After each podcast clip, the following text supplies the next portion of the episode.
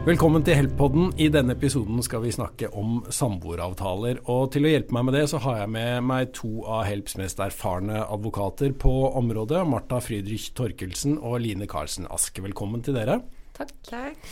Samboeravtale, det sier vi advokater stadig vekk er veldig viktig. Eh, men det kan vel ikke gjentas for ofte. Hvorfor må man ha samboeravtale? Det aller viktigste for Ola Nordmann er å unngå konflikt.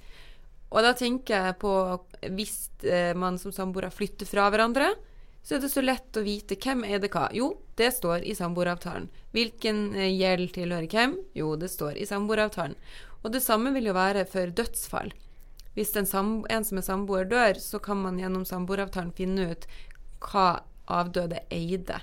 Mm. Eh, så det blir sånn bevismessig, et bevismessig dokument som man kan bruke for å unngå konflikt. Mm. Det er jeg enig i. Mm. Uh, men, uh, og, men, det er jo noen som da sier ja, men jeg har en bolig og eier den 50-50 på skjøtet, og jeg har 50% av lånet hver.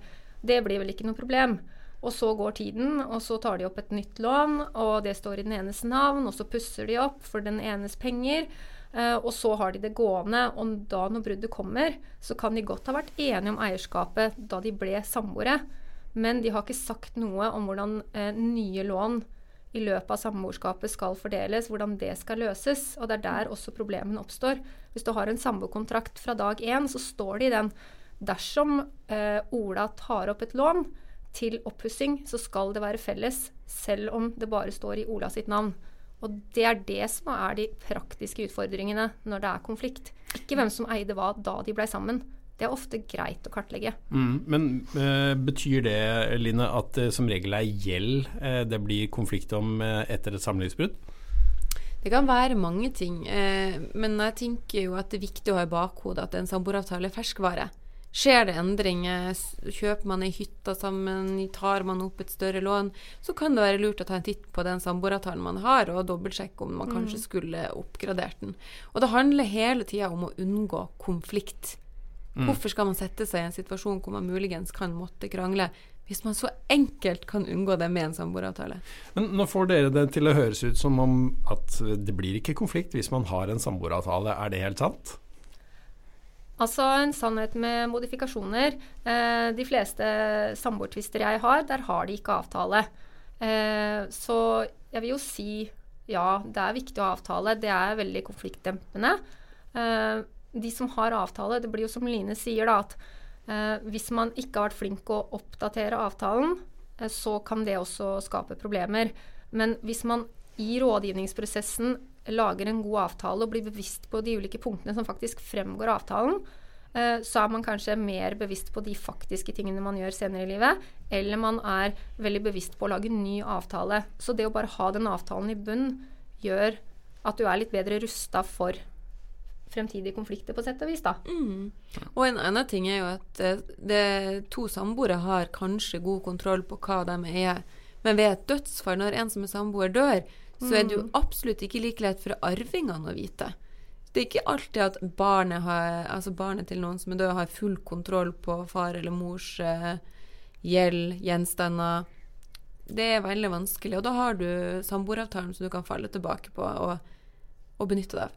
Når dere forteller om eh, samboeravtalenes innhold, så høres innholdet ganske komplisert ut. Hva er det folk må tenke gjennom før de setter i gang og skal lage samboeravtalen sin? Ja, Det mener jeg egentlig er ganske enkelt. Det er egentlig å lage en liste over 'dette eier jeg, dette eier du, og dette eier vi sammen'.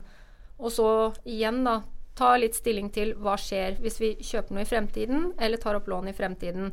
Så eh, vi har jo bl.a. maler på våre hjemmesider som man kan plotte inn alle dataene, alle eierskapsforholdene, eh, altså tingene man har, tingene man har sammen. Og så blir det en automatisk generert avtale. sånn at eh, juridisk sett så skal ikke dette her være noe vanskelig. Og jeg tenker at veldig, veldig mange kan klare det selv ved å bare lage lister. Selvfølgelig fordel å bruke et godt oppsett men ikke komplisert juridisk. Absolutt ikke. Jeg tror kanskje det som er den største utfordringa, det er at mange samboere tror at de juridisk sett er likestilt med de som er gift. Men uh, faktum er at en samboer eier det samboeren selv har kjøpt. Så hvis du og din samboer du tror at du og din samboer kjøper bilen sammen, Men midlene som bilen, altså det pengene bilen blir betalt for, går fra den ene samboers konto, og den samme samboeren står a- som eneeier av bilen. Da, juridisk sett, vil det være en mye lengre vei å gå for å hevde at du er sameier i bilen.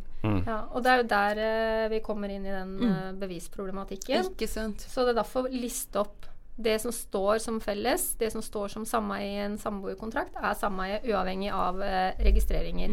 Og samme med gjeld, da. Ja, og så tror jeg det å tørre å snakke om det.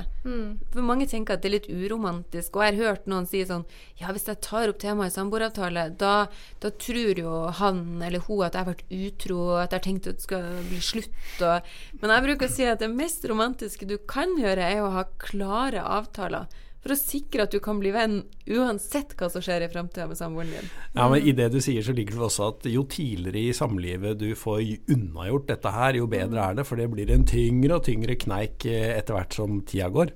Helt riktig. Ja. Eh, men eh, du var inne på det som kanskje er den vanligste misforståelsen, at man eh, tror at de økonomiske forholdene er noenlunde like mellom gifte og samboere. Men samboere har altså helt separate økonomier, mens gifte har felles økonomi. Er det riktig forklart? Juridisk sett, ja. De fleste samboere vil jo si at de har felles økonomi. Fram til brudd. Fram til brudd, ja. Ja. Men, eh, men etter loven så er det en gift tjener felleseiemidler etter lovens hovedregel, mens det en samboer tjener, det tilhører den samboeren som har tjent pengene. Og det er det så viktig å vite. Og så er det jo veldig mange som da har vært samboere i 20 år f.eks. Eh, egentlig sett på hverandres økonomi som felles. Eh, brukt fra sin egen konto, tenkt det går til felles goder. Tatt opp gjeld i eget navn, tenkt at det går til felles goder. Og så er det først når de har brudd at de begynner å kjenne på disse eierskapene og ansvarsfraskrivelsene med tanke på gjeld osv. Og, så og da sitter jo den som kommer dårligst ut av det, eh, med skjegget i postkassa, rett og slett. Det er en oppoverbakke for vedkommende da å få den andre til å dele det som egentlig man har delt i 20 år, da. Men Line, hvis du skulle lage samboeravtale nå, hvordan ville du forberedt deg til det? Da ville jeg tatt en eh, gjennomgang eh, sammen med min samboer eh, og fått skaffet meg en oversikt over hvilke eiendeler vi har, hvilke gjeld vi har, og hva vi tenker om eierskap til det. For ofte så kjøper man jo ting uten å kanskje ha en klar avtale. Det ble nå bare sånn at den ene stakk på butikken og kjøpte den bilen, mens den andre var hjemme og passa barn. Så jeg tenker sette seg ned, få en oversikt. Hva har vi av verdier, hva har vi i gjeld, eh, og hvordan skal det fordeles innad. Og der må jeg også komme med et lite tips, og det er at underveis i samlivet som samboere, vær litt bevisst på å stå registrert som sameiere, begge to på det man kjøper sammen. Tar man et lån sammen, stå begge to på lånet. Fordi at uh, det er en sånn bevismessig situasjon som kan komme på spissen uansett. Eh, og der eh, ser vi vel en stigende tendens eh, når det blir konflikter mellom tidligere samboere, Martha, at man krangler om gjeldsansvaret. Kan du forklare litt mer hva det går i? Ja, altså det ser vi jo tendenser til særlig i dagens samfunn, hvor det er så lett å ta opp forbrukslån, eh, refinansiere i boligen, ta opp nytt forbrukslån, samle flere forbrukslån i ett lån osv. Gjerne så skjer dette litt basert på tilfeldigheter under samboerskapet. Eh, F.eks.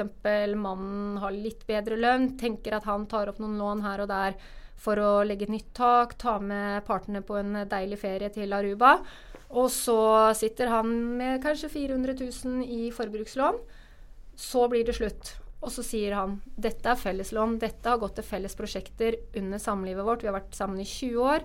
Jeg hadde litt bedre råd enn henne, så det var bare naturlig at jeg tok opp lånene. Så sitter jo kvinnen og sier nei, disse lånene er ikke mine, disse har jeg aldri hørt om, disse kjenner jeg ikke til, de står ikke i mitt navn. Det er mannen som må bevise at hun skal ta halve lånet med seg ut av forholdet. Men, men, Det sliter veldig mange med å forstå etter å ha vært sammen så lenge. Og så vil jeg si akkurat når det gjelder gjeld, det er forbruksgjeld, men faktisk så vil jeg rette en liten pekefinger mot bankene også. De har en tendens til å bare sikre best mulig ethvert lån som gis. Og da tar de inn eh, samboere som medlåntakere med liksom 50-50 solidaransvar overfor banken for ethvert lån. Så vi er borte i mange situasjoner hvor det kommer samboere hvor én eier huset utad eh, registrert i grunnboka hos Kartverket. Som eneier, og så har banken likevel tatt inn begge to med likt ansvar på boliglånet. Mm. Og det er klart det kompliserer det. Så det er en liten pekefinger til banken uh, også der som bare tenker på seg sjøl og ikke nødvendigvis på låntaker. Si, jeg skjønner banken, men jeg tenker at partene må være veldig bevisst på det seg imellom hvis bare den ene skal eie boligen. Mm. Ja.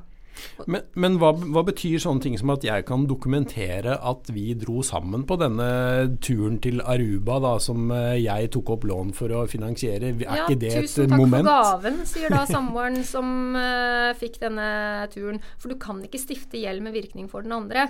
Uh, det kan jo tenkes at hun uh, samboeren sitter og tenker at ja, mannen min har kjempegod økonomi, han tok meg med på en ferie, og nå plutselig så har han vært utro, og vi skal gå fra hverandre, og så skal jeg få et låneansvar for noe jeg trodde jeg fikk i gave. Sånn at eh, større samfunnsmessige hensyn tilsier at du kan ikke bare slenge over et lån på en annen uten gode holdepunkter.